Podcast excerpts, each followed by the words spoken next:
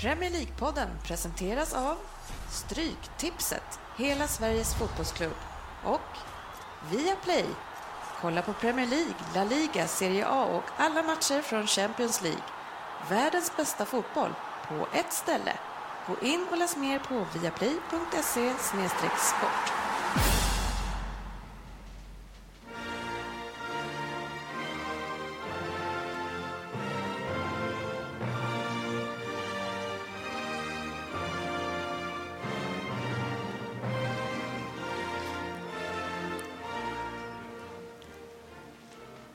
Här är Premier League-podden, fansens podcast om Premier League. Det här är avsnitt Gretzky. Det innebär 99 och alldeles strax alltså 100-jubileum. Vi har appnyheter som vanligt. Efter det så ska vi ringa upp Jalkemo och försöka komma ihåg det den här gången också och fråga lite grann hur läget är med hans Manchester United. Efter det så ska vi ringa igen och då ringer vi Crystal Palace Svensson som inte fick ledigt från frugan eh, det här avsnittet utan eh, fick vara hemma eh, och han ska köra Vem där för oss. Efter det så har vi en, en fokusmatch som var Everton mot Crystal Palace som spelades igår så där är minnet färskt lite lyssnarfrågor, Stryktipset och såklart Fantasy Premier League ska vi såklart avsluta med. Och jag säger hej till firma JJ för andra veckan i rad. JJ. Tjena grabbar. Hej. Tjena, tjena. Hej. Hej. hej. Det betyder alltså sportchefen, oddset och fa facit. Eh, men eh, en, en trojka på eh, fem pers i alla fall totalt sett. Om vi kommer ihåg alla som vi ska ringa upp den här gången. Ja, men precis. Då får vi inte glömma stackars Fabbe. Nej, man känner sig lite elak. Han har inte varit med på några veckor. Tre timmar efter inspelningen frågan ska ni ringa upp snart? Ja. Och vi satt här och tänkte så här, fan, han snackade om att vi skulle ringa upp Fabian, men och så, jag tänkte det, det var säkert en struken programpunkt. Och som vanligt så säger inte ni till när det blir någonting konstigt, utan ni bara tänker tänker att nej, men han har väl koll på det där. Ja, precis. Ja, jag var inte med, så som vanligt. don't blame me. Nej, nej. Eh, en, en hysterisk vecka eh, och eh, ett, min, jag har ett körschema som jag brukar fylla med en del content och det har aldrig varit så rörigt som det är nu. Men det får funka på uppstuds också, eller hur? Det blir nog jättebra. Absolut, det löser vi. Ja, hur har ni haft det i helgen? Mycket bra. Har förvaltat min helg uppe i Norberg, uppe hos lillasyster. Ja. Ja. Trevligt. Mycket trevligt faktiskt. Så att, ja. Lite julstök där uppe. Då, det ryktas om någon inspelning av någon Ja, just det. Skiva, eller? Uh, igen? Det är ju, ja, precis. Igen. Nej, men nu var det en familjeinspelning då utav Do They Know It's Christmas. Jaha. Vem var det som var lead singer? Nej, jag fick ju sätta hela, hela låten först och sen fick vi fylla på med de andra. Do, doa, doa. doa.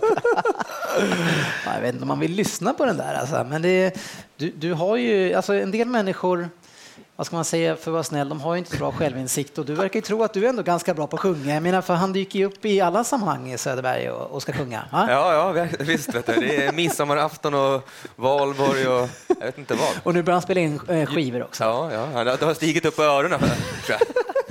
Sjunger hellre bra, brukar jag säga. Ja.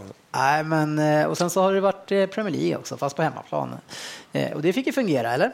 Ja, absolut. Jag har suttit hela helgen bänkad faktiskt och kollat. Ja, vad roligt. Ja, det har varit jätteroligt. Blir en väldigt insiktsfull Söderberg då, ja, kanske. Precis. Många, kanske. mycket för, intressanta utseende kanske vi får. Ja, men också ska det bli intressant sen när vi ska prata Fantasy Premier League. Jag menar, då måste han ha järnkoll på hur han ska disponera laget till nästa gång, eller? Eh, han kan nog luta sig tillbaka och koppla av ganska... ja, vi ska väl återkomma till det och vem han möter. Men innan dess så tänker jag att vi ska hoppa igenom lite nyheter som vi brukar göra. Veckans appnyhet. Ja, ett, ett, gäng som precis som sportchefen åkte upp till norr. Det var ju Liverpool och eh, drog sig upp till Newcastle och skulle inkassera tre lätta poäng. Trodde nog de flesta, inklusive jag. Jag hade lagt ett bet såklart på dem. Ska och... du ge fan eh, Och Klopp fick ju frågan vad, vad, som gick fel i den här matchen. Han sa ja, det var starten och det var mitten och det var slutet. ja. ja, han är klok. Mycket, klok man. ja, eh, och han eh, var väldigt kritisk till sina, sitt egna signum kan man säga också, pressingspelet som inte heller, pressing, det var lite svengelska där, eh, som inte heller fungerade. Och, och, vad ska vi landa i den här diskussionen? Jag, alltså att jag gillar honom och hur han är och hur ärlig han är, hur han agerar mot sin alltså, alltså motståndare, tränare. Det är, en, ja. det är mycket gentleman över honom och en bra människa. Ja, men det verkar ju vara en, en bra människa som du säger. Och så här. Jag, jag satt faktiskt och funderade på det där när jag läste om det här bortdömda målet då, som vart också offside-målet där som Ja, var borta, felaktigt bortdömt då tyvärr. Då. Men, eh, men då hade de väl frågat honom typ att vad han tyckte om det där. Och, liksom, Ja. du vet, och vissa tränare går ju bevisligen i taket för det där och tycker Ja. det är för jävligt. Men han hade väl sagt någonting bara om att, att spelar man inte bättre som vi gjorde så då, då får man, ska man inte få sånt där godkänt. Ja, men han skrattade bort det där på något jävla sätt. Varför? Ja. Jag kommer inte ihåg riktigt vad han sa, men det var... Ja, man ville och då kanske så här, hur länge kommer Ja. Hur länge kommer han ha den här approachen? Hur länge kommer han köpas av alla för det här? Om, om det nu skulle bli... Ja, han, har ju, han har ju exploderat förut. Han, har, han, har, han är ju rätt hätsk av sig. Ja. Har han ju varit. Så, men undrar ju nu, nu är han ju lite ödmjuk, öd- ödmjuk inför den här uppgiften. Jo, men han verkar ju skratta åt allting. Alltså, eller ska, men det gör han ju säkert inte egentligen, men han ändå har den approachen ut liksom att... Ja. Fan, Ja, vi åkte upp dit och... ja. Ja. men bli vän med alla journalister och, och domare och så. Och så, så kanske han får lite fördel av det sen. Men jag tror också att det, det där är, alltså det är en självförtroende-grej också. Som är, alltså när man vet att man är bra på någonting, då är det väldigt lätt att säga att man gör någonting fel. Ja. Medan man om man är osäker eh, och hamnar i en dålig spiral eller alltså, vi får lämna Mourinho utanför det här för han skyller alltid på, oavsett hur hyllad han är så skyller han alltid på omständigheter. Men annars så för andra tränare så tror jag att det, det är liksom ju sämre det går ju mer defensiv blir man. Men jag tror att hans startkapital i självförtroende är skyhögt och därför så och han det är ingen som riktigt sätter den här pressen på dem eh, att det ska liksom sitta redan den här säsongen. Nej, det tror jag också. Sen tror jag att han... Han, jag tror han är, som du säger, han är så jävla säker på att han kommer få ordning på. Att han, det här kommer jag fixa till slut. Ja. Ge mig bara tid så kommer jag lösa det här. Och det är som du säger, det lever han, det lever han ju 110 på. Nu, liksom. Ja. Men lite skrämmande var det ju ändå och matchen, eh, om vi ska gå in på den lite, för att det var ju fantastiskt dåligt. Ja, det var helt... Det var, och det var egentligen från båda hållen, men, men eh, kollar man på sådana som Lukas Leiva, vilken Förs- otrolig sopa. Förstå mig då som Liverpool-supporter som har suttit och nästan eh, liksom fått hybris när de slår Southampton med 6-1 och spelar en fantastisk fotboll och de här förväntningarna nu man hade när vi skulle upp till norr och spela ut Newcastle liksom och nu ska vi rida vidare på den här vågen. Och så blir det bara ett stort jävla slag i ansiktet där he- det, är liksom, det är ett kollektivt Ja, det är ju ingenting som fungerar. Liksom. Ett, tag- ett tag så tävlar de om vem som kunde slå vem mest felpassare. Ja, det var Det helt var ju- sjukt. nej, det var Och som du sa, just Lukas då som kan vara så fantastisk. Det var ju bara studs från. Liksom. Han kunde ju inte ens ta emot en tvåmeterspass. Det var bara studs från. Liksom. Det var, äh, fan, jag satt och grät helt plötsligt. Så bara, man slits verkligen med någon. Ja, men jag, jag har varit inne lite grann på det där eh, när, när ni slog oss så enkelt. Eh, nu I Newcastle-matchen vad jag förstår så var det kvalitetsbrist åt alla jäkla håll och kanter. Men det som, vi, det som vi pratade om där det var att en viss typ av motstånd passar säkert Klopp och det här Liverpool som är just nu väldigt bra. Och Southampton är också ett bollförande lag som spelar som City och där man kunde straffa dem extremt hårt på de här omställningarna. Kanske ungefär som man spelade mot City, en liknande gameplan. och man, man såg Origi gjorde till exempel, en spelare som vi knappt har sett innan, gjorde en fantastisk match och, och vilka mål han gjorde. Eh, men, men så kommer man till upp till ett Newcastle, man förväntas och, och så föra den här matchen. Newcastle backar hem, försöker göra i alla fall som de kan, alltså spela för en gångs skull efter deras förmågor, spela snålt och då i där är ni inte ni eh, riktigt. Man, man ser ju att ni saknar ju Coutinho jättemycket i, i just det, för att kunna föra en match. Absolut, det är en Så- jätteviktig pjäs. Ja. Nej, men det är precis som du säger och det har jag funderat på själv. Det, det, det är det han har. Det, det är ju det som ska bevisas nu. Det är ju helt enkelt att eh, kunna föra matcher mot sämre lag. Det är, ju- det är precis som du säger. Vi, vi, just nu så är vi ju liksom, ska, möter vi bättre motstånd då spelar vi bevisligen bättre och så fort vi förväntas föra en match och ha kontroll på den, då verkar det som att det är någonting som låser sig liksom helt plötsligt som, som blir fel. Liksom. Men det är ju inget unikt det där i Premier League den här, det här året. Vi vet ju, vi har ju sett i början så var det ju, det var ju omöjligt för bortalagen att vinna matcherna. Så, så alla lag, och framförallt de då som har kunnat, man har kunnat köpa in massa, köpa in massa kvalitet. Och då när man ligger, ligger lågt och sen när man vinner bollen, men då har man kvalitet i omställningarna. Det har man ju inte haft tidigare. Då är de här gamla typen av spelare, engelska brunkare och sånt där, liksom det, det blir inte samma spets i de lägena. Men nu, som ett lag som West Ham som har, eh, vad heter han, Valencia, heter han det som är skadad nu? Ender Valencia, och sen så även Payet och de här. Men sådana spelare har man inte haft tidigare. Men nu när man får lägen att ställa om, då är det sån jävla mycket kvalitet som kommer alltså. Så det är, ja, Absolut. Jo, och sen så när de dessutom, jag läste precis nu innan jag gick att Skärte seglar ju upp på tredje plats nu av den spelare som har gjort mest självmål i, i högsta serien. Så att, Ja. Han är snart tio, tio har Dan gjort tror jag. Då, som Ja, var- just det. Han hade sju det. nu, eller? Så nu har han sju då, så att, eh, så att, eh, ja. Ja. Lite otur där kan Han Eh. täcker mycket skott, så var det någon Liverpool-supporter som skulle skjuta. Ja, visst. Det är bra. eh, lite rykte nu. Jag vet inte hur pass eh, starkt det har blivit det att Brendan Rodgers ska vara aktuell för Swansea nu. När, det kanske blir naturligt att han nämns i det sammanhanget, men att Gary Monk eh, Först gick någon ut och sa att han är på väg därifrån. Jag men sen, det eh, ja, det är internt här, men det har, det har varit en del snack och det var ju även alltså, journalister på sociala medier som gick ut och sa att det nu går rykten om att han eh, åker nu. Eh, men vad, vad tror ni Brendan Rodgers och komma tillbaks därifrån? Han lämnar ju ändå där med fanan i topp. va? Eh, men, men samtidigt så kommer han från ett misslyckande till dem. Jag vet inte. Ja. Ja, Jag tycker det är synd eh, om Monk om det skulle vara så. Fan, han har gjort det jättebra och så får han 14 matcher nu där han har gjort det dåligt. Liksom. Ja. Det är ah, lite tidigt. Han får inte riktigt chansen att vända sig det här känns det som då, men, Men det är de- ju verkligen fritt. Det verkar vara fritt fall på Ja, och de där som är i det där, de måste ju ändå få en känsla för, okej, är det här på väg att vända på något sätt? Men just som man ser resultat och allting, alltså det känns ju inte så. Det är inga, inga tydliga tendenser åt något håll mot något motstånd. Eh, Så ja, jag vet inte. Ja, nej, jag vet inte heller. Och jag vet inte om Rodgers, om han ska ge sig in i det där igen. Som sagt var, han kanske är bäst att låta det vara och komma ihåg för den han var innan han gick då till Liverpool.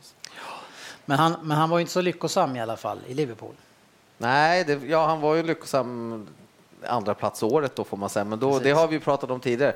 Då, då, vi, det, vi har väl egentligen kommit fram till att det var ett självgående piano med Suarez och grabbarna där framme. Precis. Så, att, så att, eh, han har väl mycket att bevisa själv också som tränare tror jag. Statistik är ju roligt eh, och jag sitter ju och ler när jag sa det, för då, är, då antar sportchefen att nu är någonting på gång här. Eh, och jag ju säga det att, att Liverpool eh, var fyra poäng efter United när eh, Brandon Rodgers fick sparken. Nu är man sex poäng efter. Ja, precis. Jag har, har, har fått det i ansiktet av flera United-fans också. Så att, eh, United har blivit bättre Ja, jo. än vad de var förut helt enkelt. Så. Ja. Nej, jag vet inte vad jag ska svara på det. det. Nej, kul är det i alla fall. Vi, vi, vi tycker ju alla att det ser bättre ut, men det är lite roligt att reta det.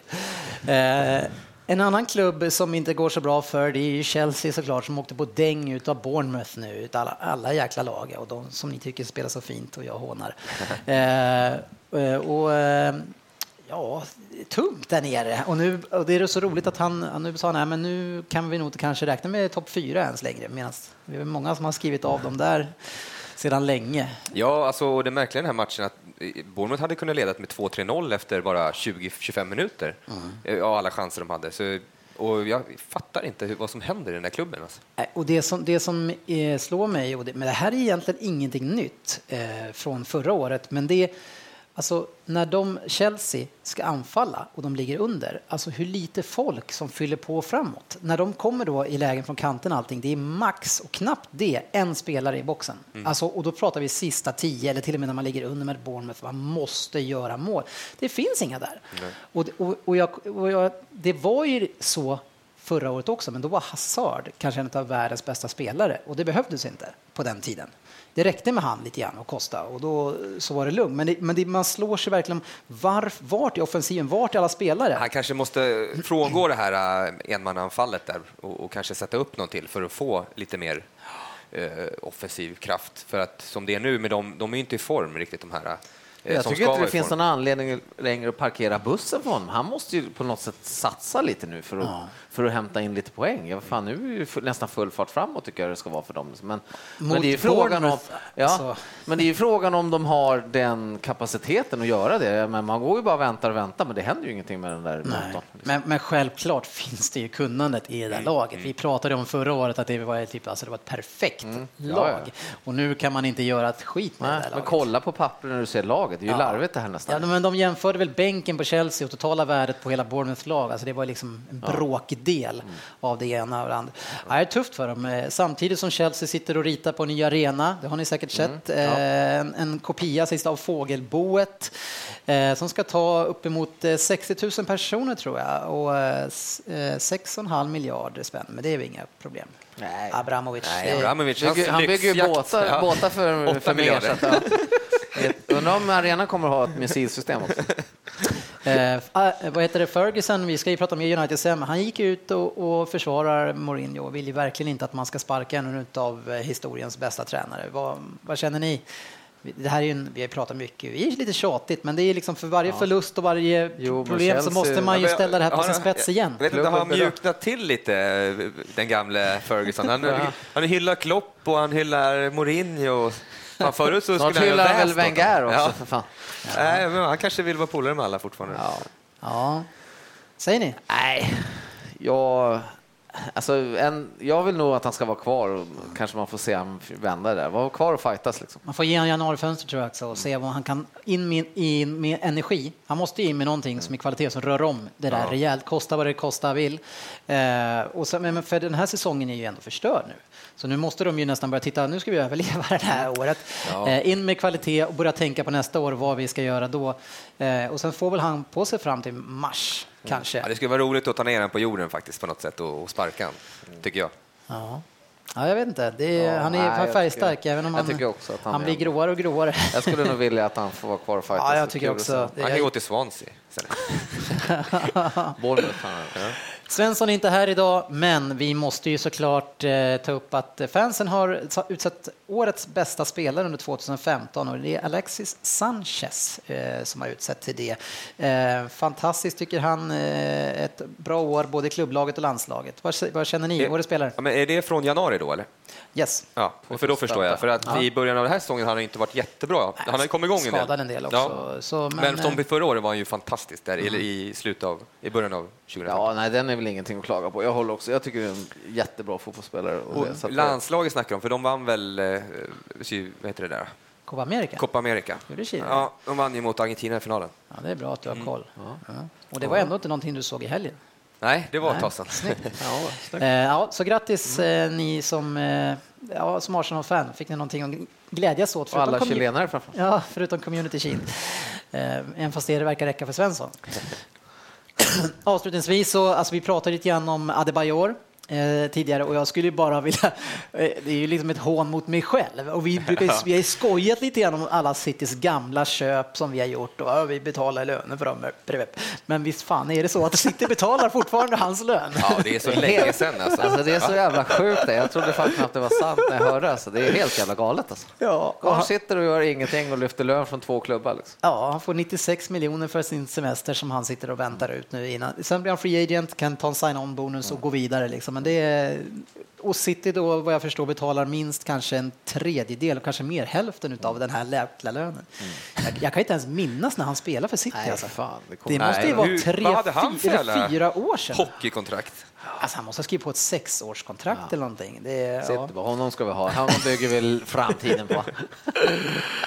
ja, herregud. Nej, nu eh, tänker jag att vi ska eh, komma ihåg Fabian och så ska vi prata lite grann eh, United som egentligen var vår första fokusmatch, men 0-0 är inte så mycket att hänga i granen och prata om, så vi tänker att vi ska ta ett större grepp om United och ställa Falkemo, Falkemo, Jalkemo.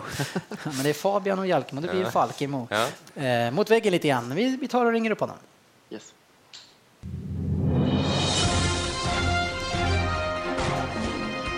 Premier League-poddens korrespondent Jalkemo rapporterar. Tjena Fabian! Tjena grabbar, tjena. tjena. Jag tycker nästan det är den mäktigaste gängen. Ja, det, man, det är inte utan att man blir lite stolt när man hör den. Ja, och nu ska du ju faktiskt bara rapportera, bara inom stationstecken, om ditt eget United känns väl sådär i dagens eh, situation, men det blir nog bra. Ja, och vi hade ju en tanke inför den här helgen att vi skulle ha eh, United som fokusmatch, eh, men det har strykits ganska rejält eftersom det slutade 0-0. Och vi tänker att vi ska lyfta diskussionen lite grann och prata lite mer generellt United och vi har ju även tagit hjälp en hel del av våra lyssnare på Facebook. Så mm.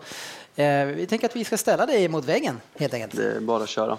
bara hoppa på mig. Är... Ja, men hur mår en eh, United-supporter en dag som denna? Hur, nu sitter man väl och är lite smånervös inför eh, Champions League-matchen som spelas i detta nu. Ja. Rent, rent allmänt så får jag väl tyvärr säga att den här säsongen så har man tappat glädjen till fotbollen mer och mer. På, mycket på grund av av um, hur egentligen tråkigt vi spelar. För mig spelar det egentligen ingen roll. Det är klart det spelar roll hur man presterar poängmässigt och så. Mm. Men det är inte det som är det viktiga utan det är att som United spelar nu är inte United för mig och det är väldigt deprimerande och svårt att motivera sig att att som supporter följa laget vecka in och åka på matcherna när de överbetalda människor presterar så dålig och tråkig fotboll som det i mm. stunderna.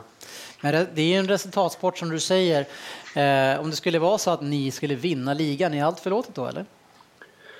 Det är klart allt handlar om resultat, men fortfarande, jag vet själv hur mycket jag idiotförklarade Real Madrid när man sparkade Capello trots att han vann ligan, men han vann den för tråkigt. Men för mig, det är klart att man är glad om vi vinner ligan men jag vill samtidigt inte vinna ligan på det här sättet. Och eh, det är inte tillräckligt bra. Och som sagt som jag sa tidigare så för mig handlar fotboll om glädje. Och jag känner ingen glädje när jag ska se mitt lag.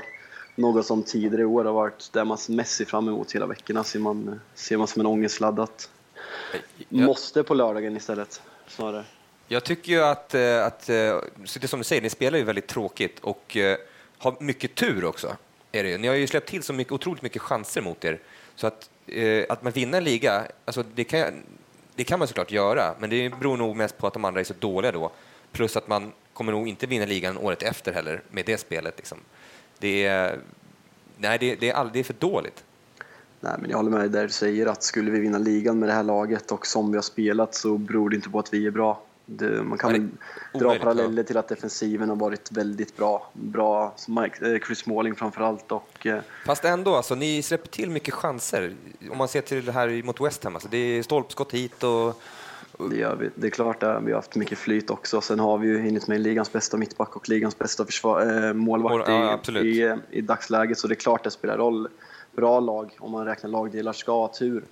Men rent hypotetiskt, om vi skulle gå hela vägen i år så har det ju enligt mig på, eh, så beror det på att det är andra lagen som är dåliga för och tur, Premier League i år är inte bra. Turen måste ta slut.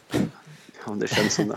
Men Fabian, vad, van själv då? Vad, vad, är han självkritisk på något sätt eller vad, vad, säger, vad liksom får man ur honom? Eller han, sitter han själv god där och nöjd och bara är att de ligger tvåa, tre? Nej, men han känns ju som presskonferensen att han ändå försvarar sina beslut, exempelvis att skeppa iväg vad sex forwards. Eh, Hernandez har gjort lika mycket mål de senaste tre månaderna som United är sammanlagt har gjort, eller vad det är i ligan. och eh, slänger iväg Wilson på lån också när han får Rooney skadad och egentligen bara Martial som ensam forward. Och han, han, han envisas med att försvara sina beslut och känns väldigt självgod och eh, Mm. Ja, är konstigt. Jag kommer ihåg förra året när van Schaal kom och jag, jag älskade honom till, till en början för att det var, det var en vinnare i attityden kontra Moyes. Mm. Men det där har gått överstyr sen, sen länge sen och han måste... En riktig besserwisser. Ja, väldigt. Alltså jag, kan, jag kan själv vara en besserwisser i många lägen och gilla den den eh, egenskapen om man har lite glimten i ögat men det har gått till överdrift så länge sen gällande van Schals egenskaper så ja, jag tycker inte vi har hört det så mycket av dig. Jag tycker att jag sitter och håller med dagarna ut och in i den här podden. Men eh, Robin Åslund har ju en fråga. Kommer Louise van Gaals filosofi någon gång kicka in och börja funka? Eh, eller kommer det alltid se ut så här, varav jag ställer en motfråga till honom eh, om att han skulle kunna beskriva hans filosofi. Eh, och jag, eh, ja, vad är hans filosofi egentligen i, att spela fotboll med United? Den där filosofin var det ju extremt mycket prat om. Det började väl egentligen på försäsongen förra året att det tar, vad sa han, tre, fyra månader innan hans filosofi klickar. Ja. Och med tanke på att han har bytt uppställning, han började med 3-5-2, gick över till 4-1-1, vad var det, 4-1-1 eller 4-1? 4-1, 4-1 också ja. Ja, Fast exakt, det var väl den som gick bäst. Som släpande. Det var den som funkar bäst egentligen. Ja. Till att nu ha återgått till något slags 4-3-3 liknande så den där filosofin tror jag bara egentligen i efterhand var kallt prat i början för jag ser är hans filosofi som vi spelar nu som bör, spelarna börjar lära sig så ja, då är han helt ute och cyklar. Ja, jag vet inte, för att, för att alltså, olika formationer är, är, behöver inte vara detsamma som en filosofi för hur man spelar fotboll. Och uppenbarligen så vill han ju spela risk, riskminimerad eh, possessionsfotboll, eller? Ja, det ser man klart och tydligt. Jag såg någon statistik nu i dagarna när, jag, när vi började prata om att jag skulle prata United idag. Att United är överlägsen etta på bakåtpassningar i år. Mm. Och eh, helt överlägset etta tätt följt, eller tätt följt. Absolut inte tätt följt, men jag tror Tottenham, Arsenal och Swansea var där i toppen också. Ja. Och nej, men det känns som spelare som spelare som vågar ta risker. Vi har diskuterat det många gånger i podcasten. Jag vet att ni också har ett gott öga till Ander Herrera. Han är ju en spelare som tar risker, som vill spela eh, på få tillslag, ta chanser, kanske bli av med bollen men någon gång så sitter den och eh, mm. van Gaal gillar uppenbarligen inte det eftersom han gång på gång förpassas till bänken. För att dra ett exempel. Johan Hansson eh, undrar i den frågan som vi såklart många gånger undrar och det är vad vi ska göra med Rooney. Ett stort Manchester United-hjärta som slutat slå, skriver han. Ja, till att börja med så vet ni vad jag tycker om det där Manchester mm. United-hjärtat som eh, jag hävdar inte existerar. Nej, va, vi, släpper, vi, släpper dig här, vad säger ni? Vad ska man göra med Rooney? Oj. Vill du, ha, vill du ha en till Everton? Han är där och kikar lite igen nu. Ja, det skulle jag, det skulle jag nog vilja ha. Men, ja. Eh, men så han ska, han ska sätta Lukaku eller Barkley på bänken då alltså? Nej, men han kan ju säkert komma in och bidra med rutin och, och Ja, men vem ska, in. han, vad ska han, vem ska han peta? Nej, han skulle hoppa in då i så fall. jag tror han går till Everton och sitter bänk. han kan ju, Cleverly en sån jävel, kan ju sätta in ner på mittfältet. Nej, men, men var seriös med det här nu. Han kommer att spela nio eller tio. Vill du ha honom till Everton? Han skulle nog inte platsa just nu. Du, du, du vet, eh, Fabian, när man Eh, alltså när man jobbar med underhåll och sådana saker, då finns det en sån här eh, universalolja som man kan ta. Den, kan man ta den kan man spruta eh, på så här kedjor på cykel, men du kan även spruta den på gångjärn på dörrar. Jag trodde att han började spela Thriller med Michael Jackson här, det är introt. Nej, men skämt åsido. Nej, Rudy har gjort sitt. De, United, det är ett problem för United, de måste göra sig av med honom. Ja, och jag tror att han vill, alltså jag bara får den här känslan nu, att han vill avsluta sin karriär i Everton. Eh, tror du det? Jag tror att han vill knyta ihop säcken. För att han, det känns som att han ser sig själv som Everton-supporter eh, och jag är en Everton-spelare och därför tror jag att en sån spelare, en sån person skulle nog brinna över att få avsluta sin karriär där. För att då, om han ska bo där och han ska vara i samma, då ska han kunna komma tillbaks dit och hänga där. Det vore eh, klokt. Ja, men, men jag tror bara att då blir det problem för Everton istället. Ja, kanske, det beror på. Men Martinez verkar vara bra på att ta hand om sådana där Ja, ja, men kom hit du Rooney, lämna den där 3,5 miljoner i veckan lönen du har eller vad det är. Eh, månaden kanske, jag vet inte fan. Men nej, veckan, jag vet, hur mycket har ni lön egentligen?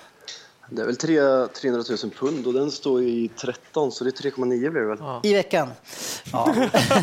ja, jo, men lämna den i United, kom till Everton så får du, ja, du får lira lite bänk och ja. ibland ersätta... Men Lukaku mellan... är lite sliten får hoppa in och köra. Ja, eller ibland för mellanmjölken Cleverly, då kan liksom, ja, nej, men det är, Men hör du, eh, det, kan du förändra det här med, med spelare eller är det bara van Gaal? Alltså det är klart det går med spelare, men jag det är klart det är, det är, klart det är spelare, men eh, jag känner att så mycket pengar som han har fått att jobba med så ska han ju ha kunnat värva spelarna han vill ha. Så jag, som det känns nu så har det mycket med tränaren att göra. Ja. Jag funderar på hur de eh, potentiella... potentiella... Nu, får ni, nu får lägga av här dörren. jag kom av nu Jag, jag sitter och funderar på det just det där med nyförvärv som du säger att de har pengar. Kan det vara så att spelare som han ändå vill ha inte vill komma till United för att de, det börjar bli en viss rädsla för hur, hur fasiken de blir, hur, hur, liksom, hur hans så kallad filosofi är? Eller vad, vad tror du om det? Det är klart det kan vara så. Alltså, som jag, om jag som världsstjärna exempelvis, vilka ska vi ta? Lewandowski, Ronaldo, Zlatan. Neymar som det har pratats om. Alltså det känns ju utopiskt eh, osannolikt i, i dagsläget för som, som en spelare som Neymar eller Lewandowski, mm. varför i hela friden skulle de vilja gå till United? Lewandowski ser hur extremt svårt anfallarna har att komma till avslut i dagens United som vi spelar. Varför skulle han lämna Bayern München och gå till United? Nej. Ja, alltså Neymar fick ju ett bud va? på vad var det, en och en halv miljard eller vad fan gick det rykten om mot, från United? Det fick han säkerligen och, och grejen är att de där summorna, det, det känner de igen på nolltid. Vi tänker att det här är ett av världens största varumärken. Tänk på vilken försäljning och han kanske är den starkast lysande stjärnan. Alltså de skulle säkert känna igen på tre miljarder eh, mer på den spelaren. Så en sån typ av spelare, det är bara att casha upp. Alltså. Men, alltså, men jag tror inte att han hade gjort så stor skillnad. Nej, det är det jag menar. Jag Nej. tror inte heller det. Som, så länge Fanchal är kvar och spelar mm. på det här sättet som jag så spelar det fan inte roll vad de har där uppe nästan. Nej, för det, man blir ju isolerad och ensam. Mm. Det blir lite grann det där Chelsea-aktiga. Man flyttar ja. kanske inte fram till mycket folk och det går långsamt och då får man, alltså, det blir ganska lätt för motståndarna att sätta stopp. Men det här management by fear som han kör, den, tror, den är ju alltså, förlegad. Alltså, det, det, du kan inte hålla på så länge. Det kanske funkade på 90-talet, tror jag. Ja, eller under kortare perioder kanske. Ja, det här, du, du, du, ser de coacherna som är framgångsrika, de låter ju spelande. Lite Bengan Johansson, liksom, mm. så här, man vill vara pool, polare med alla och det ska, det ska vara bra. Liksom. Men varför tror du, eh, Jonathan eh, Sik säger här att eh, han vill inte spela formstarka spelare och inte heller då kreativa. Herrera är ju en spelare som får problem. Young hade visat bra form men blir också flyttat till högerback och vänsterback och överallt. Men det, alltså, känns det som att han inte ger förtroende till formstarka spelare och kreativa spelare, att han prioriterar någonting annat?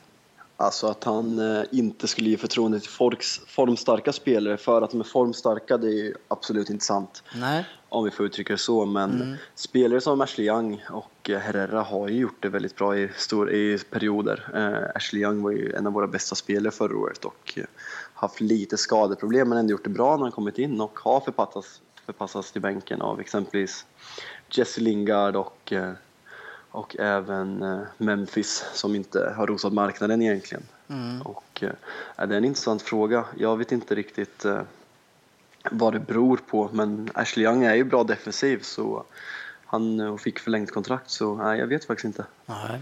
Men, ja. Eh, Pontus Ljungqvist frågar eh, om det ligger fokus på att eh, köpa dyra stjärnor. Det är snack om Cavani, den har inte jag sett, och det, men det är klart att varenda spelare som av toppklass blir ju aktuell för ett lag som har problem med mycket pengar. Men vad tror du kring kommande januarifönster här nu? Är det något fokus eller snack på spelarköp?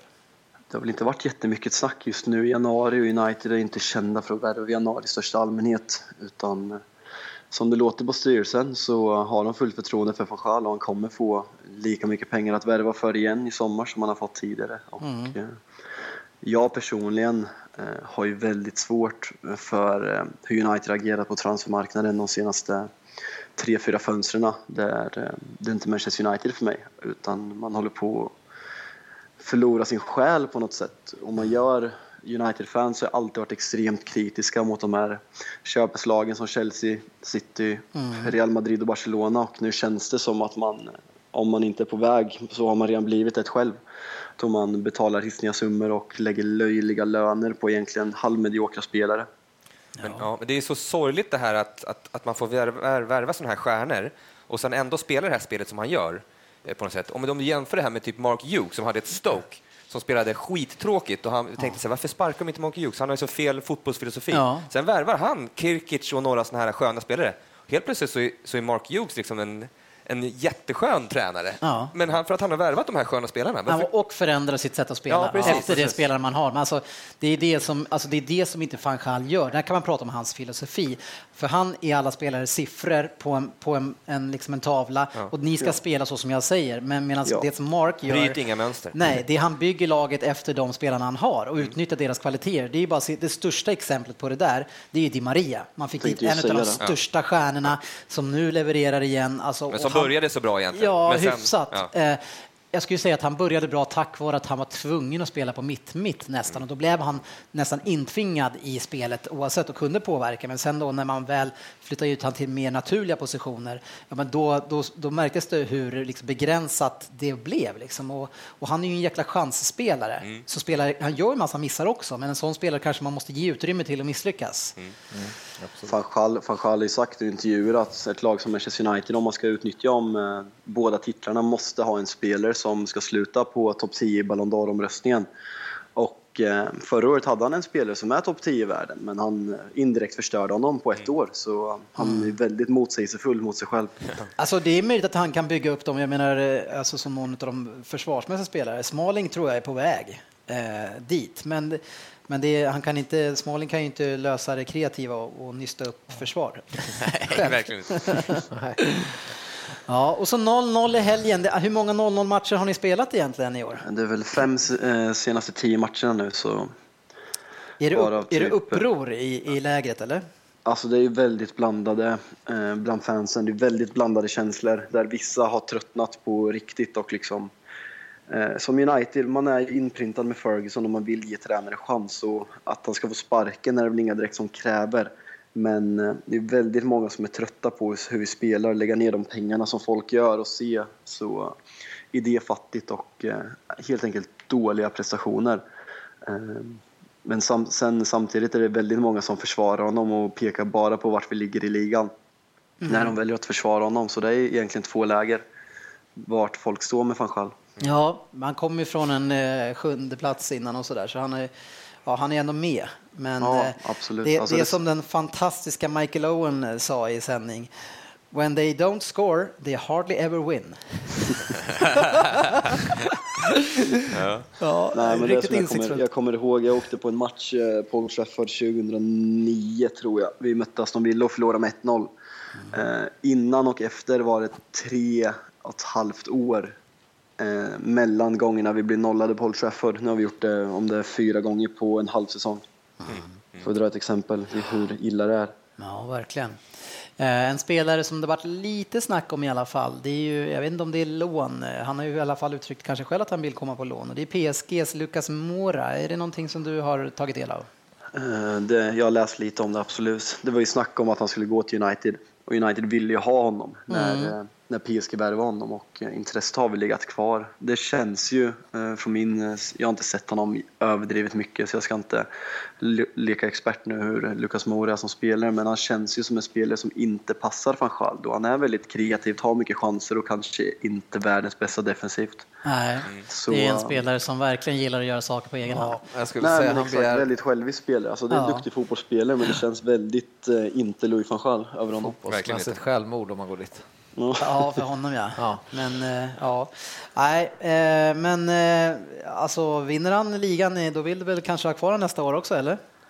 Det är klart att om man vinner ligan så får han inte gå. Det, det säger sig självt. Ja, men det var inte men... det jag frågade. Det var, jag frågade om du vill ha kvar honom om man vinner ligan.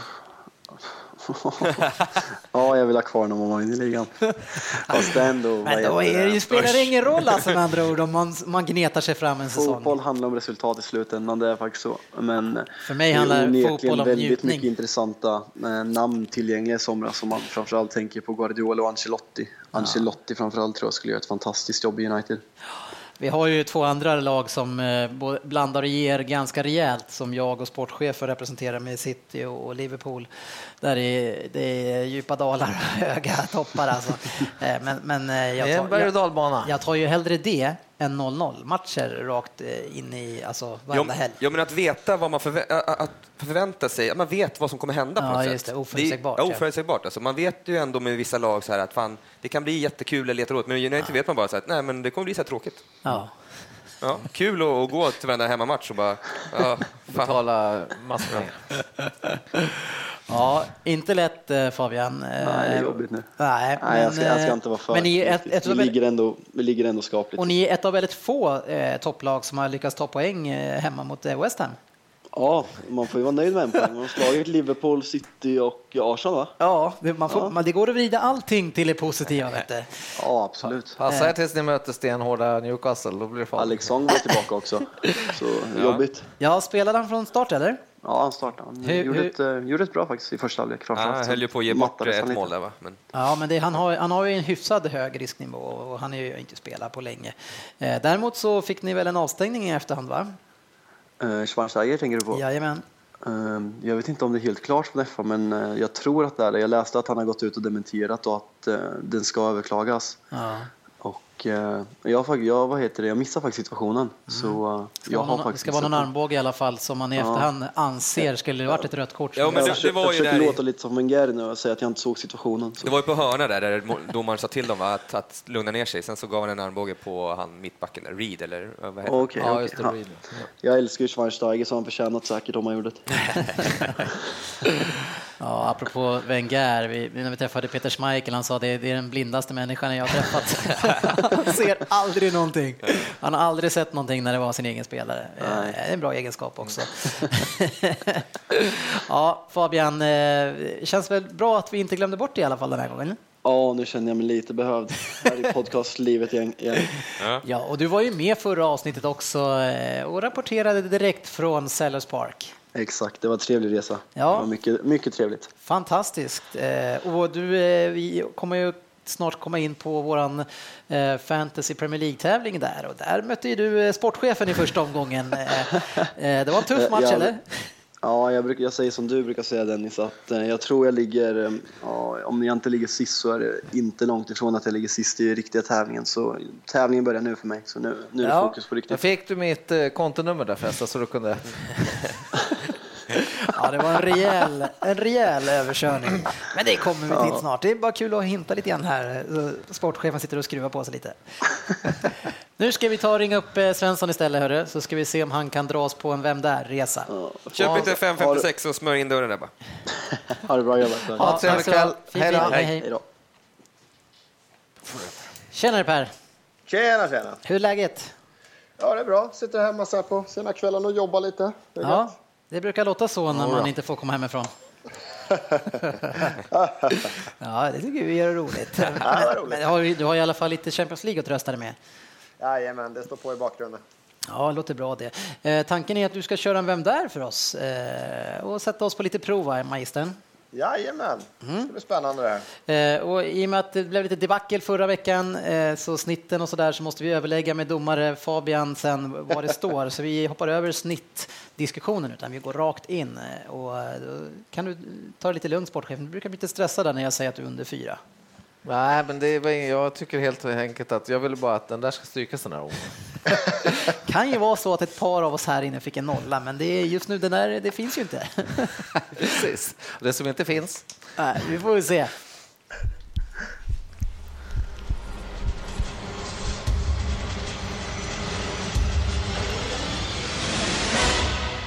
Vem där? Hej där podden! Blev grymt besviken när jag lyssnade på förra avsnittet och märkte att vem där inte var med. Men nu ska vi rädda upp den fadäsen och att jag är personen i fråga, det känns ju stort. Speciellt stor var inte jag, eller inte om man ska jämföra med normallånga personer i alla fall. Men mina 1,77 skulle jag väl fortfarande anses vara lång i dvärgkommittén till podcast som ni har. Lång eller kort, skitsamma, mål kunde jag göra. På 466 professionella matcher hann jag göra 243 mål. Mål i varannan match ungefär alltså. Och då spelade jag faktiskt bara i de mindre klubbarna i Liverpool och London. Enda riktiga titeln i England blev en FA Cup-titel 1991. Det var det. Oj, det var det länge och, och fick han en titel, eller enda titeln 91? Enda titeln var 91. Okej.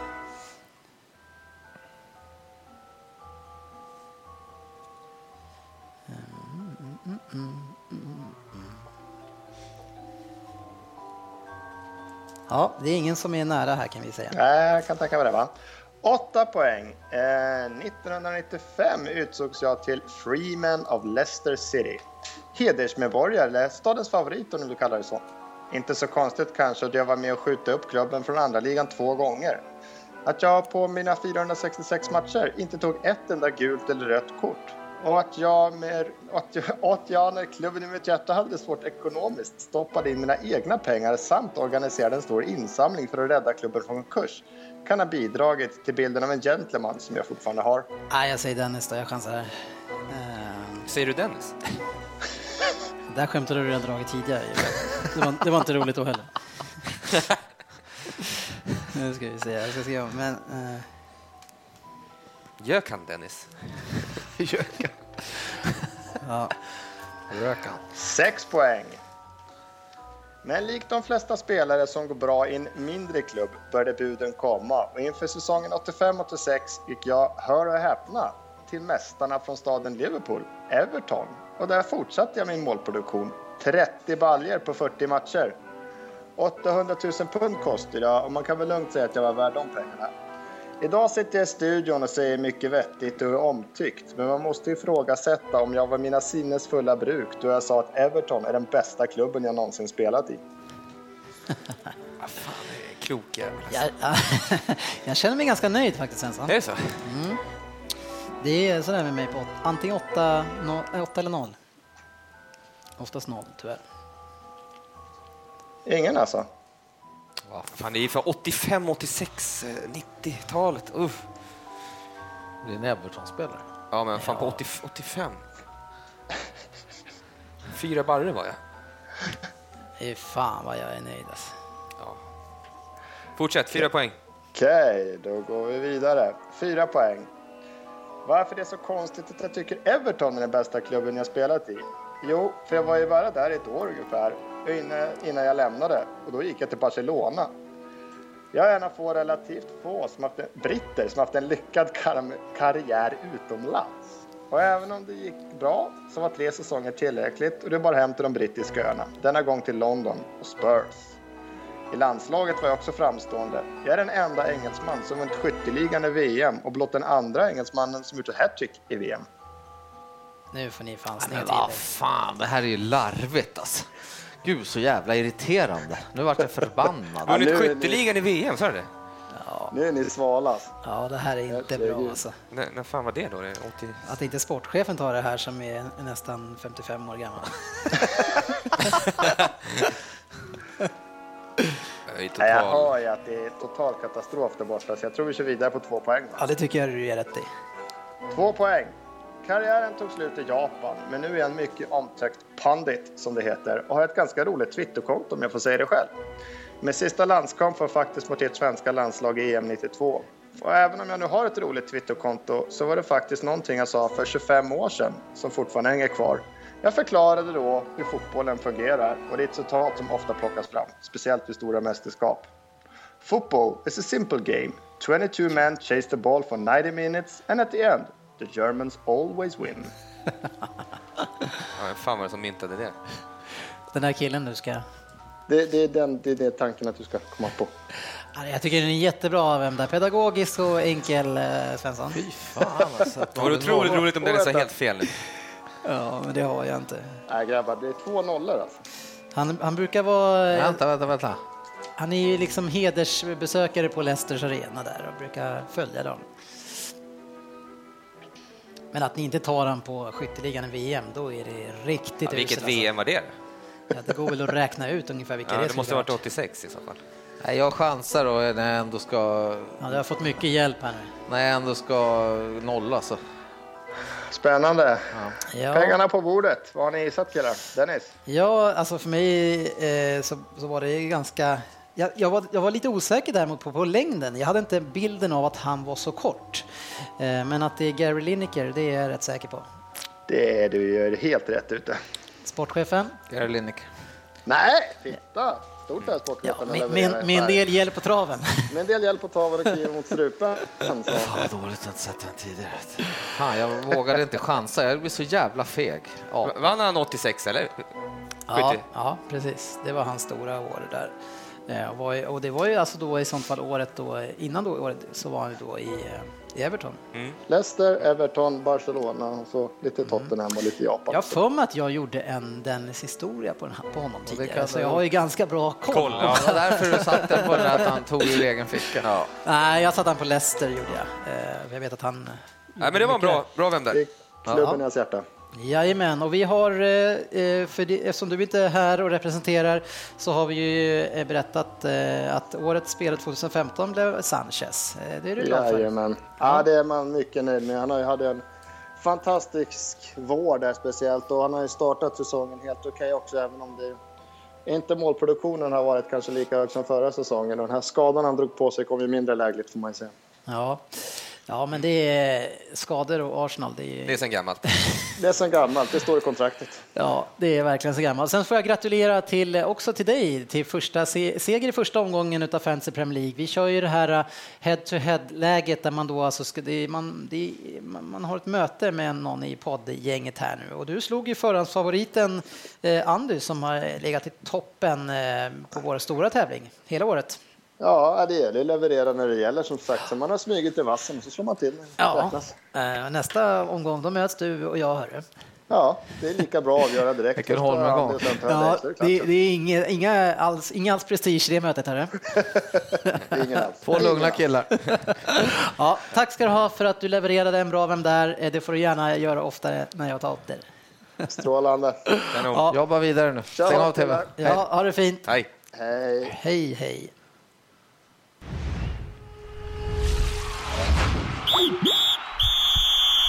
Veckans fokusmatch. Yes, vi hade ju en fokusmatch och den som jag sa tidigare, den var ju alltså igår eh, då Everton tog emot eh, Crystal Palace på hemmaplan Söderberg. Ja, Visst. En match om man, om man är lite elak eller så är man snäll så säger man att det kanske var lite sådär som en eh, viktig match i kampen att bli best of the rest. Ja, kanske, kanske. Men jag tycker ändå att eh, båda lagen visar ju att de har potential att, att vara med lite högre upp än the rest, tycker jag.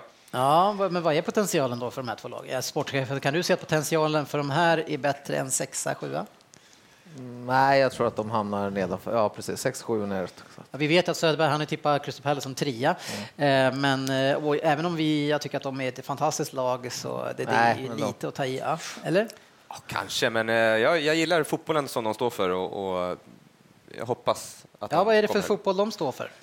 Ja, det är ingen backa hem där, utan det är eller ja, nu kanske de backade hem lite mot Everton, sådär, men de har ju otroligt fina kontringsspelare och, och han släpper ju, när de släpper lös krafterna så är det mm. härligt att se på. Jag skulle snarare säga att det är tvärtom vad du säger nu, eh, det där med backa hem. Men för det som jag tycker är så fantastiskt med Crystal Palace, det är att, som du säger också i och sig, att de har ju fantastiska offensiva kvaliteter, men de är inte för fina för att backa hem och spela snålt, vilket som gör att man då på bortaplan eh, och andra tuffa matcher kan göra väldigt bra resultat. Vi vet ju att de slog i Liverpool borta också eh, och gör det svårt för otroligt många lag. Så jag skulle säga att det är liksom lite grann i deras storhet. Man är inte den där fina klubben, utan man, man kan backa hem och spela snålt och sen så bara kan man också man har en jävla dynamik och möjlighet. Ja, man... När man har de spelarna man har så då är det mycket omställningar i det och man har, en, man har en kabaj bakifrån som, och den typen av spelare, en sån en, en eh, dirigent, regissör, han kan ju, alltså man kan spela väldigt mycket olika typer av eh, fotboll med honom på planen. Absolut. Men nu tycker jag att de, de backade ju hem, det gjorde ja. de, men spelade något sorts zonspel. Så de, pressar ju liksom inte, så Everton får ju verkligen ha bollen mm. ganska mycket, men, men det kanske inte hände så jättemycket ändå. Nu hade vi i och för sig en del chanser, så där, men, men mm. ja. Men det får man ju räkna lite grann. Ja. Man släpper till. Ja. För Everton ska vi säga, alltså som, ni är ju bra slag och, och har en bra säsong, mm. och man får behålla många av spelarna också. Ja, verkligen. Det är, det är inte många som tar våra stjärnor. Nej, men inte, jag tänker också utifrån Arsenals problem att det inte är så ja, mycket skador, ja. tänker jag mer. Mitt i säsongen så är det inte så många som ryker. Nej, no, inte, inga viktiga spelare, men det är ändå en del som har varit borta. Det är ja, fan, Mirallas, Baines har ändå Mirallas, Baines, Gibson, sådär. Mm, Vad Jags då? Ja, Jagielka är ju borta nu också, men där har vi så bra mittbackar nu så det spelar ja. nästan ingen roll. Nej, men backlinjerna, där har ni haft, eh, haft det väldigt bra och mm. eh, fyller på väldigt bra där. Mm. Eh, apropå utseende och sånt där, var det inte dags att eh, Baines fixar ordning någon frilla där? Hur ser han ut när han kommer tillbaka? ja, ja, det, är, det är Beatles, back, back to the Beatles igen. Ja, verkligen. Nej, är det det? Det var väl lite mer eh, eh frisyrgelé och lite backs, alltså lite så här, ja, lite långhårigt känns det. Och så lite stor, långa vikar, så det, jag vet inte fan om jag gillade det där. Han, ja, var, han, han var väl skön Oasis, Oasis style tycker jag ja, det kanske, ja, jo, jo, lite Gallagher. Ja.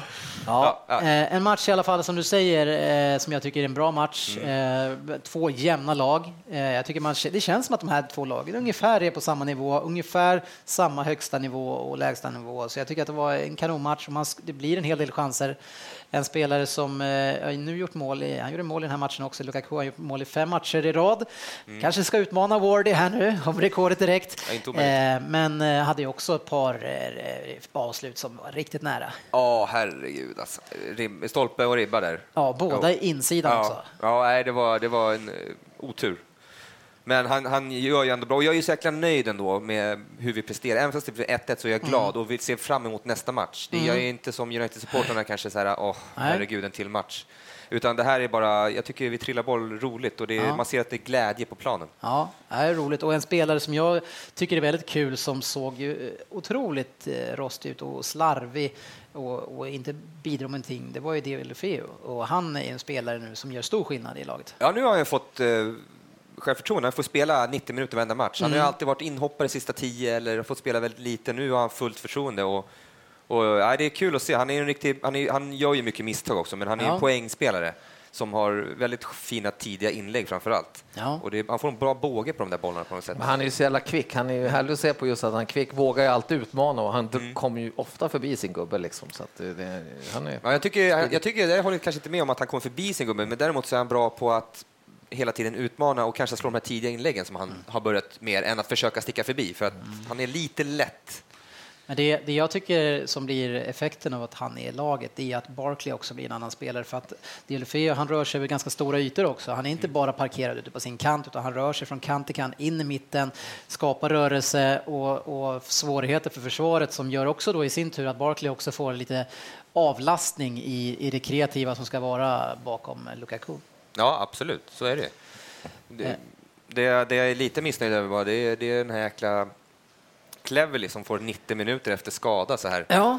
Eh, vilket jag tycker är ofattbart egentligen. Ja, eh, jag är ju inte hans förespråkare och det är kanske därför han har smeknamnet Mellanmjölken, men för det, ja. det är det man får av honom varje match. Ja. Han har ju däremot ett, ett ruggigt ja. skott på volley strax utanför straffområdet, som, och vilken räddning ja, vad, Hur, hur hinner han med den alltså? Skojar. Jag vet inte. Nej, Eh, otroligt. Eh, och sen så, ha, alltså ni har väl lite tur också. Ni har ju en, en Finlandsfärja som fortfarande spelar i det här laget. Som, som, eh, han fyller en viktig funktion tycker jag i speluppbyggnad och han styr säkert i ett lag och det är våran eh, Garrett Barry. Mm. Eh, men eh, ja, alltså, en, minst en straff ska ni åka på i på hörna när han släpper sin markering och, och står och drar i tröjan med sträckt arm och sträckt tröja så att det liksom, man ser där, domaren ser ju det här. Det är det som är så sjukt. Men det är liksom, armen och tröjan ihop blir typ så här tre meter. så det liksom, ramlar alltså, där ska det ju, alltså att det inte blir straff. Ja, där, det är alltså. märkligt. Jag förstår inte alls hur, domarna hur tänker de lägena. Alltså, men, Nej, det var så uppenbart. Det är inte så att han, han får i alla fall springa med och hålla i då, ja, för det gör ju alla. Snyggt, eh, och sen i nästa läge då, då när man har 1-0, eller när det står 0-0, eh, så är det en eh, hörnsituation. Det är punchen som slår en liten, en liten luftpassage-variant. Man slår en flipp hörna. Och då är det Barry som av, av något skäl ser sig manad att ta markering på, på Scott Dan. Det tycker han att det är en passande ja. uppgift för honom. Eh, och när hörnan kommer in och bollen, ja men då hoppar hopp, Dan, men Barry han lyfter. Nej, men precis, Barry är lite tung. Att, att backa och hoppa samtidigt är väldigt svårt för vissa spelare ja. som är, har lite tyngd. Ja, ja. Och där ser man ju, han ger ju upp eh, redan innan. Han känner att nej, fan, det här gick inte. Men vad gör han på den markeringen återigen? Alltså. Och, och där i sådana där hörnor som du säger, så slog de med varenda hörna. Alla mm. hörnor var så här flacka som mm. kom, för att de har ju starka spelare. De har, eh, vad heter han, forwarden där och... Ja, Wickham och, Connor Wickham och, och, och Dan som, är liksom, som ska vinna ja. dem där. Då. Ja, men, och, och får de dessutom spela mot Barry, men, ja, fan, då, ja. alltså, då kan de ju lägga upp den högt som de vill. Mm. Saknar, vi saknar ju Jagielka där som ska uh, nicka bort dem där egentligen. Ja, mm. ja äh, men man vet Barry, det enda han försöker göra är att bara hålla fast. Mm. Men sticker han ifrån, men då... Ja, då men det, det var en kalldusch där, för det kändes ändå som att vi hade matchen och, och att vi förtjänade att göra mål. Sen så får vi en 1-0 i baken där. Mm. Efter 1-0 målet där så, så, så, skapar vi en del, men, men det, däremot så skapar ju de mer då också. Crystal ja. Det är väl det där lite med Everton, att egentligen ska ni döda, eller döda, men döda ja. matchen lite tidigare, alltså kanske få in en jag tycker att det alltså, matchen är jämn och det är chanser åt båda håll. Jag tycker det är kanske lite övertag för mm. Everton, men jag tycker ändå att Crystal Palace är ju alltid farliga. Mm. Och när väl Bolasi får bollen och han bestämmer ja. sig, alltså herregud vad bra han är. Alltså. Ja. Ja. ja. han är verkligen Otroligt hot, i zonen alltså. nu. Ja. fan, så fort han har bollen. Så. Men, det, men det, jag tycker att återigen i en sån här match, det här påminner lite grann om när vi såg honom live och han fick kliva ut på en högerkant och, och kommer bort lite grann i matchen. Alltså, jag tycker att han är alldeles för lite eh, involverad i deras anfallsspel. Alltså, han borde vara involverad hela tiden med den kvaliteten han har. Alltså, det borde vara liksom, man borde söka honom på ett annat sätt. Ja, kanske ta slut på honom. För han är väl ingen maskin, han kan inte, kan inte springa hela men, matchen. Men jag tycker ändå att det, det, de sekvenser han väl är med så mm. är ju han, så, han, det finns så mycket kvalitet i det. Jo, precis. Men han jag tror att han, han vill väl ha Wickham där som den här bollmottagaren och då finns det plats för honom bara liksom lite snabbt bakom och ut på kanten. Och kika lite grann också på Wickham angående förra veckans diskussion där. Alltså, det var något läge där han var ensam mot fyra, fem mm. spelare. Det tänkte jag också så. Och, och höll undan. Vad stark han var där. Alltså. Mm. Ja, och, dri och dribblade någon Ja, han var lite mm. flink, flink med fötterna där. Mm. Ja. ja, nej, men så eh, en bra match och eh, två och Crystal Palace var säkert nöjda, Everton halvnöjda kanske sådär, men. Eh.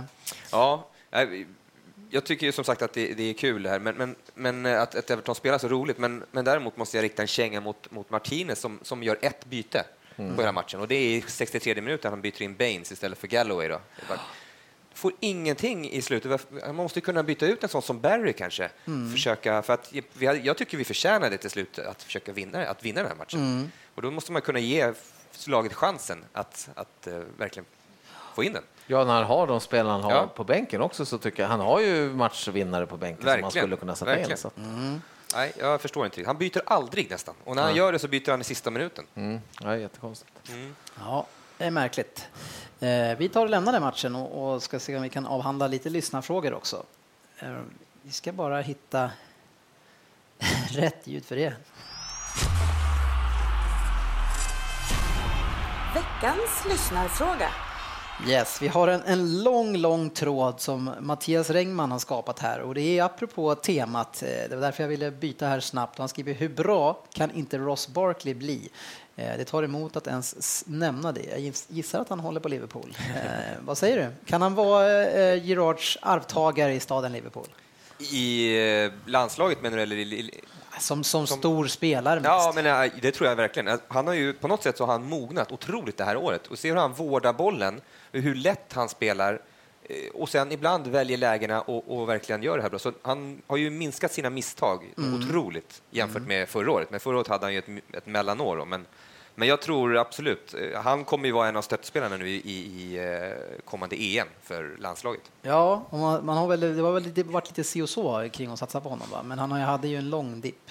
Ja, precis. Men han, hela förra säsongen får man ju nästan ja. glömma avskriva hans... Jag vet inte riktigt hur tankarna gick där hos Martinez. Han inte spelade honom så mycket, men han var inte nöjd med hans defensiva arbete vad jag har förstått. Mm. Och, och att han var lite, tappade lite mycket boll. Men nu är han ju, jag tycker han är fantastisk. Men vad, vad eh, tror du att, eh, alltså, hur, om man ser nu på Everton som klubb, hur eh, pass starka tror du att ni är på att behålla spelare som blir stjärnor? Ja, ingen, jag har ingen aning hur de tänker där, men alltså, han sitter ju ändå på ett han skrev ju på fem år va, för om det var två år sedan eller något. Ja, och det, det är många som har skrivit på långa kontrakt. Jo, jo, jag, så, det, så det är liksom, vad står man Oj, statusmässigt ja. sett, tror du, för de här spelarna? Jag menar, de City kommer att knacka på dörren här nu eh, och vill att han eh, ska komma till City. Jag hoppas ju innerst inne verkligen att han väljer fotbollen före City. Men alltså, nej, på, på, något sätt har jag en känsla av att det känns som att han, och Baines och de här, de skrev kontraktet, de, de trivs här liksom. Och det, mm. Eh, Lukaku liksom verkar trivas och Martinez, jag tror Martinez är en stor del av det där. Han, han verkar väldigt bra med alla. alla Frå, frågan är, det, det, det, det handlar om är väl helt enkelt, jag betvivlar inte dugg att han trivs i klubben och staden och bla bla bla, hela den. Frågan är ju, kontentan blir ju ändå slut, vad vill han vinna? Vad är det han själv vill uppnå? Då, liksom? vad, vad, ser han för potential i Everton? Liksom? Det är väl det det handlar om.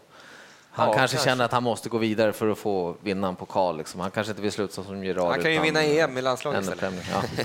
ja, nej, men alltså, Everton har ju ett, ett fantastiskt roligt grundspel mm. känns det som i sig och jag tror att så, men, så jag vet inte om det kan vara så där att Eh, börjar en gå, ja, men då kan korthuset falla ihop kanske. Eh, ja. Jag menar, jag tänker en sån som Lukaku, han tittar säkert också på vad, vad Barkley gör. Ja, det tror jag, det tror jag också. Ja, men precis. Går Stones nu i januari till, vi säger att han går till Chelsea då, eller någonting. Mm. de dyngar upp eller i sommar. Ja, men då kanske någon nästa också bara, ah, vad fan, vad var det här nu då? Liksom. Jag är inte lika säker på att Stones, nej, nej, som men det var bara ett exempel, men... såg ut att göra en riktigt bra match. Mm. Alltså. Ja, han, är... han, är... ett monster i brytningar och följsamhet. Och... Ja, och sen när han går upp i plan och han fintar två, tre spelare, det ja. finns så mycket självförtroende i den här killen. Ja, nej, men han, han, eh, det är en spelare som jag mm. däremot eh, kan tycka ska gå någonstans. Eh, Everton kommer att klara sig fint ändå där, på den nivån ja. som klubb som han är. Nu ja, absolut. Ja, jag, jag, tycker, jag tycker han, men men eh, undrar vad han tänker om att, eh, att han inte gick till Chelsea, men han är ganska nöjd över det nu. ja, förmodligen. Just det, dagsläget är det Ja, herregud, den måste kännas skön. Men däremot kan det vara roligt för honom att gå till Chelsea nu i januari kanske, för att han kan inte göra det sämre förmodligen. Alltså, han får antagligen lira. Ja, får precis, precis. Lira. Fast är problemet nu framåt? Där, alltså är det backlinjen i Chelsea Nej. som är det stora problemet nu? Alltså jag känner inte det. Alltså. det jag tror att det här, de, de, kan hålla igen, men de kan ju inte flytta fram. Men, men å andra sidan kanske han känner att han inte vågar flytta fram för att han inte litar på backlinjen. Jag vet ja, inte kanske. hur han tänker. Men mm. ja, vi får se. Nu ska vi kolla hur någon annan tänker som helt plötsligt har fått chansen att tänka lite grann. Stryktipset.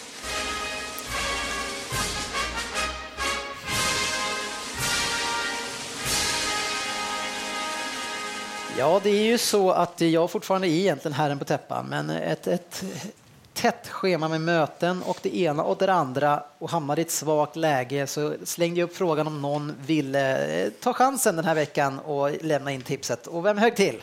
Jodå. det var sportchefen direkt som sa Söderberg var lite seg där. Så Äntligen! Jag tänkte, äntligen ja. nu är det dags.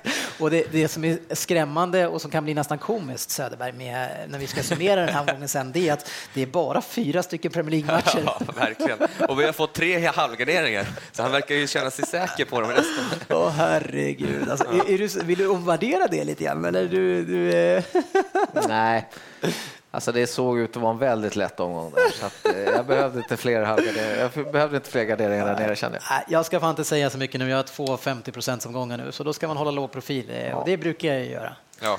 Ja, det kom ju eh, hyfsat snabbt på det här också. Men jag är, jag är alltid redo för sånt här. Jag anser mig själv vara den bästa tipparen eftersom Ja, jag vann nu- Tips-SM där några, för något år sedan. Ja, och, Internt, ja. Internt. och året efter hade fem rätt varje omgång.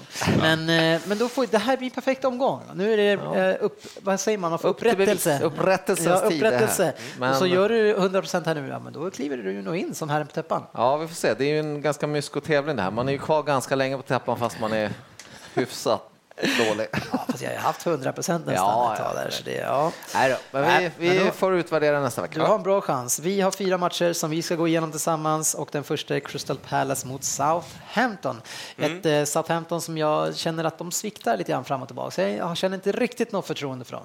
Nej, jag vet inte vad som har hänt där riktigt med Southampton. Man, eh, de har vikt ner sig lite här nu och han började gapa om förstärkningar också. Va? Och Precis. sådär. Så att, eh, Jag har inte riktigt högt där och Crystal Palace eh, på Selhurst vet vi alla vad man mäktar med. Va? Men vi vet ju också, alltså förutom den matchen vi har sett, att de har ju haft det svårare på hemmaplan. Mm.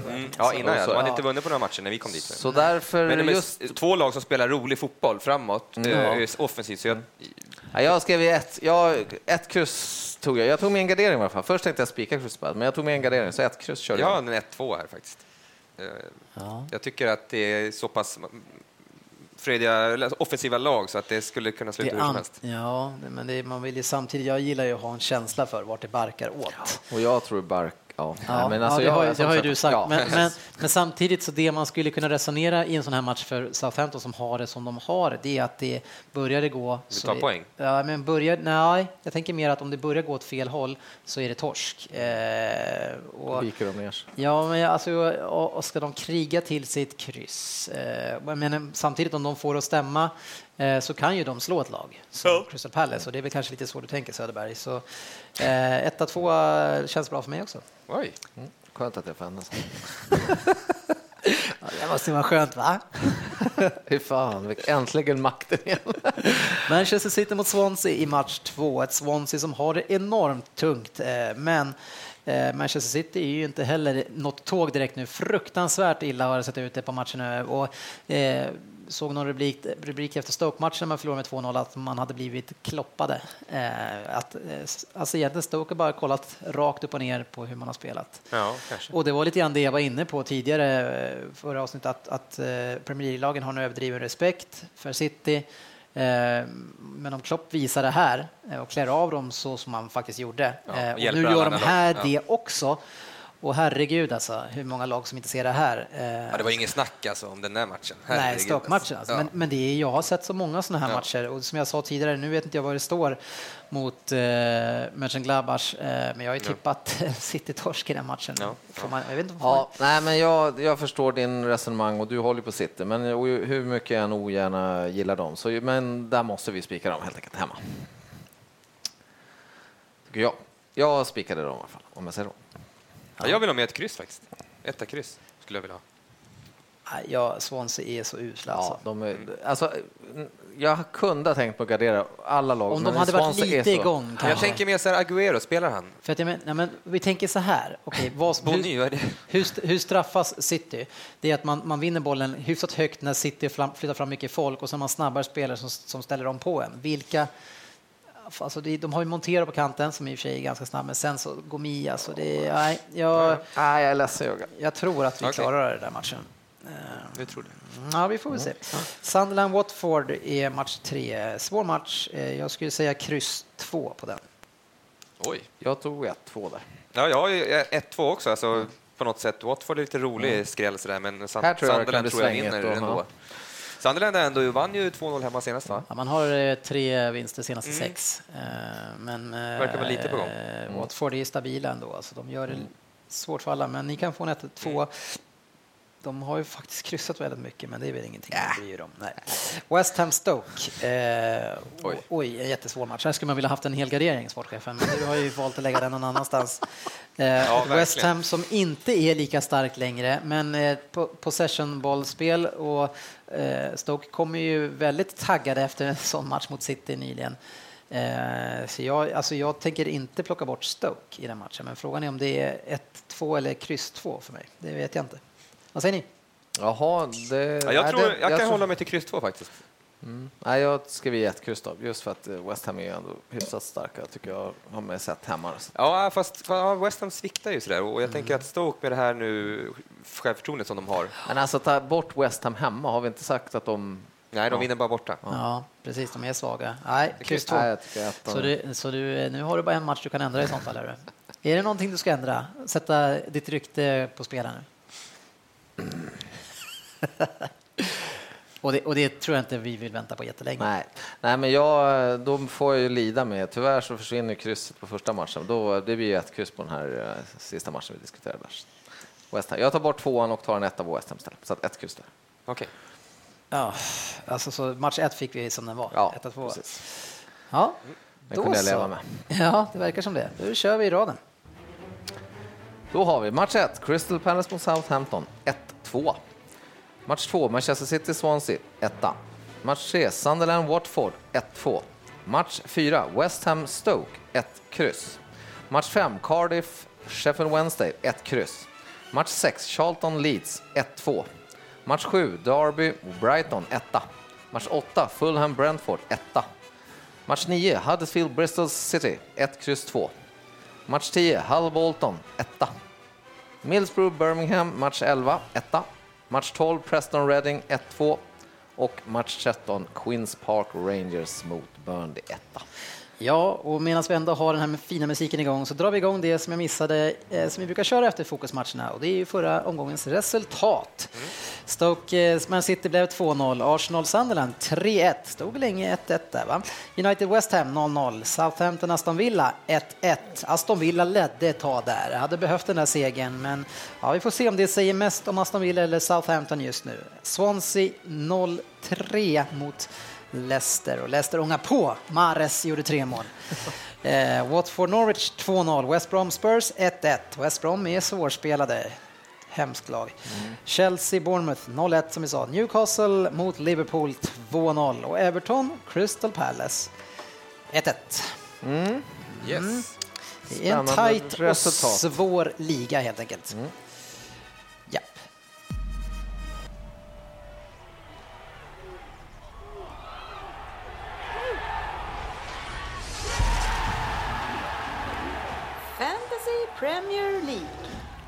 Yes, det blev en liten ny eh, in, Ja. ingång till den och det är våran, våran mål... eh, Ståpäls... eh, Ja, precis. Målinspelningen från Crystal Palace. Den, måste, den var ju tvungen att få plats någonstans. Eh, och den innan med den jäkla trumpeten, den kunde vi vara utan. Va? Eh, vi ska väl bara snabbt eh, redovisa kring första omgången som var i Fantasy Premier League och vi har ju redan varit inne på det. Men Svensson helt chockerande slår Andy med 50-45. Eh, Söderberg, du åkte på pumpen mot mig där med 51-84 Mm. Ja, du fick in Mares från bänken där som sköt in 20 poäng någonting. och jag hade vunnit utan honom också. Okej. Eh, Jalkemo eh, fick 64 poäng och sportchefen, eh, ja du klämde till med hela 34 poäng. Oj, Ja, vad hände från mina 24? Ja. ja du fick en tia till där eh, Ja. för att du, du hade ju tre skadade spelare i din uppställning. ja, då får man 10. och, och, det, och det var ju den här gången som du verkligen skulle gå in för det här va? Ja, jag vet fasen, jag är lite arg på mig själv där att jag inte följde upp det här ordentligt i slutet av veckan. Jag missade Coutinho hade jag fått OK på att han skulle åka med till Newcastle. Från Liverpool alltså? Ja, det är helt. Bra källa. Och sen eh, Agüero vet jag inte heller vad, riktigt vad som hände med. Om han, eh, varför inte han lirade? Det har jag ingen Det var aning. nog ganska osäkert ganska länge tror jag. Ja, ja nej, slarvigt utav mig, men eh, jag kommer tillbaks. Jag Ja, för det är ju målskillnad i det här och du är efter första gången så är du 50 mål efter mig då. Eller 50 poäng menar jag. Ja, men det är bara att ta nya tag. Och ni möts ju nästa omgång, va? Ja. Asså, trevligt. Eh, men hur är det nu då? Jag är ju ganska dålig på det här. Får, får man göra byten nu inom mitt lag som jag har valt? Absolut. Jag får ju inte ta in några nya transfers. Jo, jo. Jo, det får du göra. Men, också? men om du tar, gör fler byten än, än det som man har som free transfers, Ja. Då åker du på minus. minuspoäng. Ja. Så då är det är Ja, upp till dig. Så Ja, vill du precis. stoppa på dig minuspoäng så får du göra det. Mm. Eh, Men har du några speciella tankar kring ditt lag och vad du måste, vad du ska förändra? Nej, men jag måste ju kolla upp de här skadorna ordentligt och sen så tänker jag ju absolut då, då eh, jag fick ett slag i ansiktet där när Begovic tydligen absolut skulle ut ur laget så fort Courtois var vara hel. Så jag måste ju, jag är inne på att sätta in min reservkeep Hennessy där faktiskt som står i Crystal Palace. Ja, men eh, yes. Och sen då eventuellt så tar jag och gör något byte på framåt och beton, med betänksamhet med Agüero där och Ja. skador. Precis. Det är väl det jag tänkt. med Annars- dessa spelare som blir skadade hela tiden. Men eh, din backlinje levererade bra i alla fall. Så det måste du ändå vara hyfsat Mm. Ja, med. ja, men det- det var de som stod för poängen. Sen har du ett mittfält som totalt sett tog sex poäng. Det var inte lika bra. Det är inte lika imponerande. Nej, Söderberg, du Ja. som möter eh, S- Lundqvist, eh, en viktig match nu när ni båda blev nollade första omgången. Man har väl kanske inte råd med på fem omgångar och två raka torsk. Nej, men jag känner mig ganska självsäker på att jag kommer vinna det här. Jag har eh, även uppdaterat mitt lag, eh, bytt ut eh, en back. Jag har ändrat system där, så jag kör 3-4-3 då. Ja. Och sätter in Sterling på mitten faktiskt. Okej. De möter ett ganska dåligt lag nu i helgen, vet jag. Jag kommer inte ihåg vad det var, men eh, i alla fall. Och sen så har jag, ja, precis. Och sen har jag satt eh, Eriksen på mitten som, som kapten, för att Tottenham möter också något dåligt lag. Ja, ja, det är lite så man får kika. Ja. Eh, Nej, ja. jag- man måste väl antagligen gå över på något 3-4-3 också, försöka få upp framåt gubbar. Ja. ja, jag hade lite tur där ja, som du sa innan att jag hade Aspilicueta, han fick inte spela och istället fick jag in Mahrez från bänken. Det var väl helt okej Ja, byte. det var taget alltså. Ja, herregud. Ja, 84 Ja. poäng, bra början och nu möter jag ju Svensson. och det kan ju nästan vara viktigare att vinna den matchen än att vinna tävlingen. ja. jag tycker vi tar och rundar av där hörni. Hoppas att det här avsnittet eh, klarade sig från ljudproblem. Det märker jag när vi är klara tyvärr. Ja, vi håller tummarna. Tack så jättemycket för att ni har lyssnat och ha en fantastisk vecka eh, och lycka till ni som spelar Champions League. Bra. Vi syns på sociala medier. Tack ska ni ha. Hej. Tackar. Tack, hej.